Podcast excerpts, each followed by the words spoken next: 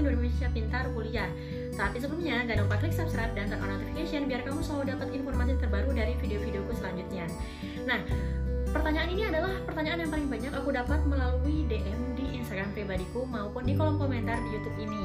Nah, kalau misalnya teman-teman yang saat ini uh, penasaran apa itu KIP, terus itu gimana cara daftarnya, waktu pendaftarannya kapan, alurnya kayak apa, tonton video ini sampai selesai biar nanti nggak akan ada pertanyaan gimana sih cara daftarnya, kalau misalnya daftarnya kayak gini bener nggak ya, syaratnya apa aja. Nah itu semua akan aku bahas di video ini sampai selesai.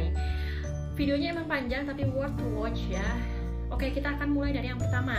Sebenarnya KIP itu apa? KIP itu Kartu Indonesia Pintar Kuliah. Dan ini tuh aku akan bahas tentang yang KIP 2021 ya. Nggak tahu untuk yang KIP sebelum-sebelumnya. Ini informasi aku dapat dari website resmi Kemendikbud yang membahas tentang KIP jadi kalau misalnya kamu pengen tahu informasi terupdate dari KIP itu gimana bisa langsung ke websitenya. Untuk websitenya sudah aku tulis di description di bawah ini. Kamu bisa klik linknya di situ dan langsung masuk ke websitenya. Oke, okay, kalau KIP ini sebenarnya ini tuh program apa sih, beasiswa atau apa? Nah, jadi KIP ini adalah jaminan negara untuk keberlangsungan kuliah. Sepertinya mirip seperti beasiswa, tapi dengan persyaratan untuk mahasiswa atau calon mahasiswa yang memenuhi syarat akademik maupun ekonomi. Kita akan bahas selanjutnya ya untuk itu. Kemudian penyedianya siapa nih? Ini adalah dana yang diberikan dari negara melalui Puslapdik Kemendikbud jadi ini termasuk APBN. Nah, kemudian untuk kuotanya berapa? Di tahun 2021 ini kuotanya sebanyak 200 ribu mahasiswa. Jadi banyak banget ya. Uh, jangan khawatir ya terima. Kita coba aja dulu yang terbaik. Kalau misalnya keterima alhamdulillah. Kalau bisa enggak masih banyak beasiswa lain yang bisa dicoba. Oke selanjutnya. Untuk uh, penerima beasiswa itu nanti dapat apa dong? Jangan-jangan cuma dapat biaya kuliah tapi biaya hidup nggak dapat. Nah untuk yang penerima KIP kuliah ini pertama akan mendapatkan uh, biaya seleksi masuk kuliah. Jadi kamu seleksi masuk kuliahnya melalui seleksi apa pun itu udah nggak usah bayar lagi. Nanti akan di kemudian selanjutnya nanti akan mendapatkan biaya kuliah. Jadi kalau misalnya S1 kuliahnya 4 tahun atau 8 semester maka akan mendapatkan biaya kuliah selama kuliah 8 semester tersebut tanpa perlu kita ngeluarin uang lagi saat setiap awal semester.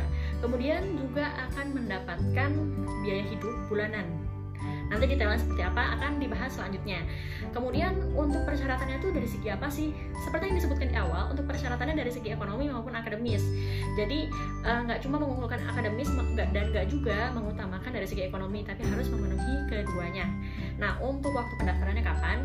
Di tahun 2021 ini pendaftarannya dibuka mulai 8 Februari 2021 dan nanti akan ditutup tanggal 31 Oktober 2021. Jadi sekarang ini masih ada waktunya dan persiapkan sebaik-baiknya biar lolos seleksi KIP ini.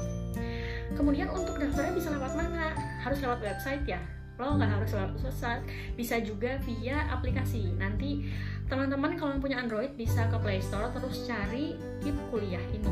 Ada aplikasinya dan bisa daftar lewat aplikasi. Jadi bisa pilih nih mau daftar via website resmi Kemendikbud atau via aplikasinya. Kemudian kita akan bahas syaratnya. Syaratnya ada dua. Yang tadi pertama adalah syarat akademis. Untuk syarat akademis sendiri yang pertama adalah lulus maksimal dari dua tahun sebelumnya. Jadi untuk yang lulus tahun ini tahun sebelumnya dan tahun sebelumnya lagi. Jadi kalau misalnya kamu lulus SMA lima tahun yang lalu dan mau mendaftar KIP ini tidak bisa. Karena maksimal adalah dua tahun sebelum tahun 2021 ini. Kalau yang mau lulus tahun ini ya alhamdulillah bisa langsung daftar karena kesempatannya masih ada. Tapi seandainya misalnya uh, belum dapat KIP tahun ini dan merasa ah aku ngulang apa aku nyoba tahun depan aja biar dapat KIP lagi. Tahun depan masih bisa dicoba dan tahun depannya lagi tapi setelah itu tidak bisa lagi. Cuma kalau saranku sih mending nyari beasiswa lain. Kenapa? Karena peraturan mungkin bisa berubah di tahun depannya. Kita udah bela-belain gap year ternyata peraturan KIP tahun depan berubah lagi. Oke itu. Uh, kemudian lolos seleksi potensi akademik dan juga lolos PTN yang terakreditasi A sama B. Kalau misalnya lolosnya di PTN eh perguruan tinggi yang akreditasinya C gimana? Bisa diterima nggak? Akan dipertimbangkan ya uh, kalimat di website itu adalah akan dipertimbangkan. Cuma tetap akan diutamakan yang lolos di kampus akreditasi A dan B. Kenapa sih harus di kampus akreditasi A atau B? Karena beda akreditasi itu akan sangat mempengaruhi dari fasilitas maupun pendidikan yang diberikan. Jadi kita akan dapat dosen-dosen terbaik kemudian lingkungan yang baik terus sudah itu fasilitas dan akses ke kalau misalnya mungkin di yang saintek ya uh, laboratorium itu memadai kayak gitu-gitu. Nah ini tuh nggak bisa didapatkan atau mungkin fasilitasnya kurang memadai untuk di kampus yang akreditasinya di bawah itu. Jadi uh, untuk Indonesia sendiri untuk kampus yang akreditasi A dan B itu sangat banyak. Jadi nggak usah khawatir untuk nggak dapat kampusnya.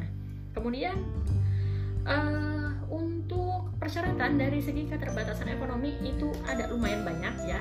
Yang pertama adalah punya KIP. Jadi dari sebelumnya sudah punya KIP untuk men sebelum mendaftar KIP kuliah ini. Selanjutnya adalah berasal dari peserta peserta program Keluarga Harapan atau PKH kemudian pemegang kartu keluarga sejahtera atau KKS, dan juga mahasiswa dari panti sosial atau panti asuhan. Kemudian berasal dari keluarga pada kategori 4 di data terpadu kesejahteraan sosial atau DTKJ. Tapi syaratnya banyak banget ya. Gimana dong kalau misalnya nggak memenuhi syarat tersebut atau uh, cuma memenuhi salah satu aja? Nah, tetap bisa mendaftar KIP ini asalkan memenuhi syarat yang ini. Ini ada salah satu syaratnya lagi nih. Um, pendapatan orang tua maksimal 4 juta kalau misalnya orang tua 4 juta kan orang tua aku ibu bekerja bapak bekerja misalnya uh, uh, nggak memenuhi nih seandainya gini uh, ibunya gajinya 3 juta bapaknya gajinya 3 juta orang tuanya kerja dua-duanya. Total gajinya kan 6 juta. Bisa daftar nggak nih? Nah ini total gaji orang tua itu di total misalnya 6 juta dibagi dengan jumlah anggota keluarganya. Misalnya keluarganya ada enam orang nih uh, anaknya empat misalnya orang tuanya dua. Ketika 6 juta dibagi 6 totalnya 1 juta. Nah ini masih belum bisa daftar. Kenapa? Karena maksimal pendapatan dibagi jumlah anggota keluarga itu adalah 750 ribu sebulan.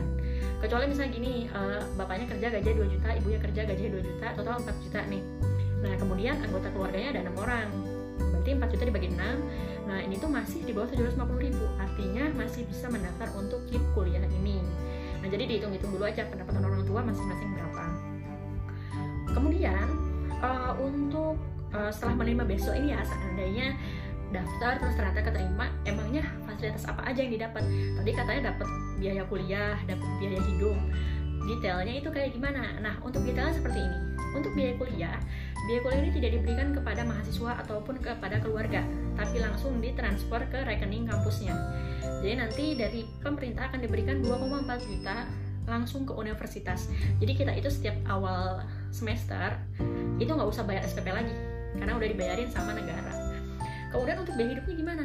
Biaya hidupnya ini sebesar 700 ribu per bulan dan dibayarkan per semester. Jadi kita nggak dapat setiap bulan. Dan ini ditransfer ke rekening pribadi mahasiswanya sendiri-sendiri. Jadi langsung ke rekening pribadinya. Jadi nggak lewat kampus dulu nggak lewat fakultas nggak lewat jurusan jadi langsung. Dan ini lebih cepat sih karena kalau misalnya lewat kampus lewat jurusan lewat fakultas prosesnya tuh akan lama di situ nah untuk uh, KIP ini ini kan cuma untuk S1 dan diploma ya. Jadi kalau misalnya mau lanjut S2 dan S3 itu tidak bisa menggunakan KIP kuliah. Nah, untuk detail biaya bulanannya berapa? Kalau untuk S1 itu 700.000 per bulan selama 8 semester dengan total maksimum 33,6 juta selama 8 semester tersebut ya. Berarti bisa di bawah itu, tapi tidak bisa di atas itu. Ya, jadi kalau misalnya disebut di awal maksimum 33,6 juta, seandainya nanti setelah keterima dapat KIP kuliah ini dan ternyata dapatnya nggak 33,6 juta ya berarti kamu tidak termasuk yang mendaftar mendapatkan maksimum segitu. Uh, karena ada beberapa faktor lain yang mempengaruhi. Uh, kamu dapatnya berapa? Kayak selanjutnya untuk yang D3 D3 ini kan karena cuma 6 semester untuk maksimum biaya yang diperoleh ada 25,2 juta. Kemudian untuk yang D2 karena 4 semester maksimum biaya yang diperoleh 16,8 dan untuk D1 maksimum 8,4 juta ya jadi karena S1 itu paling lama kuliahnya 8 semester jadi dapat biaya hidup bulanannya juga paling banyak. Nah terus bagi teman-teman bertanya ini kan enak kalau misalnya kuliahnya cuma 8 semester lah kalau misalnya yang kedokteran gimana? Kan harus ada profesinya. Yang apoteker gimana? Harus profesinya. Kan nggak mungkin tuh lulus S1 cuma dapat gelar uh, pendidikan dokter. Tapi kalau bisa jadi dokter tuh profesinya gimana dok? Nah bagi kamu yang saat ini mendaftar dan sudah keterima uh, mengambil jurusan pendidikan ataupun eh pendidikan dokter ataupun pendidikan dokter hewan. Nah, untuk profesinya ini tetap di cover oleh KIP. Berapa sih biayanya? Kalau untuk yang kedokteran atau kedokteran hewan itu mendap yang maksimum profesinya ya 4 semester atau 2 tahun itu tuh mendapatkan maksimum 16,8 juta untuk biaya hidup bulanannya. Untuk biaya kuliah udah nggak usah mikir nanti akan ditransfer langsung ke universitasnya. Kemudian kalau untuk yang profesi nurse, apoteker atau guru itu maksimum 2 semester dengan biaya yang diberikan yaitu 8,4 juta. Ini untuk biaya bulanannya ya. Uh, persyaratannya. Nah, kemudian kalau untuk alurnya seperti apa? Nah, untuk alurnya ini sebenarnya sudah ada di websitenya. Jadi kalau teman-teman pengen tahu, uh, masuk ke websitenya Kip Kuliah 2021, terus di situ udah muncul buku panduannya. Sebenarnya buku panduannya sudah ada, terus sudah itu di situ juga ada alurnya. Kalau saya baca tuh alurnya sebenarnya simpel dan juga udah ada dalam bentuk infografik ya, dalam bentuk gambar. Jadi sederhana banget. Nah, di sini sudah aku rangkum. Uh, jadi aku bacakan aja. Nanti kalau misalnya ada yang uh, kurang jelas sebenarnya kalau teman-teman masuk ke website Kip Kuliah itu tuh informasi sudah sangat jelas dan sangat sederhana. Nah, jadi gini, saya sarankan ya kalau misalnya pengen dapat informasi terbaru bisa langsung masuk ke website. Jadi mungkin beberapa bulan kemudian dari peraturan yang dirubah lah atau mungkin teman-teman nonton video ini beberapa tahun ke depan nih dan ternyata ada peraturan yang berubah. Nah, bisa, kalau pengen mendapatkan informasi yang dan itu bisa langsung masuk ke websitenya dan di situ cari aja informasi yang dibutuhkan apa. Kalau ternyata informasinya nggak dapat nih teman-teman bisa masuk ke bagian FAQ atau frequently asked question. Nah di situ tuh informasi atau pertanyaan yang paling sering ditanyakan itu akan muncul di situ sekaligus juga jawabannya. Sekalipun misalnya di situ nggak dapat informasinya teman-teman bisa masuk ke bagian kontak atau bagian email. Di situ ada kontak personnya bisa dihubungi melalui itu. Atau kalau nggak melalui email.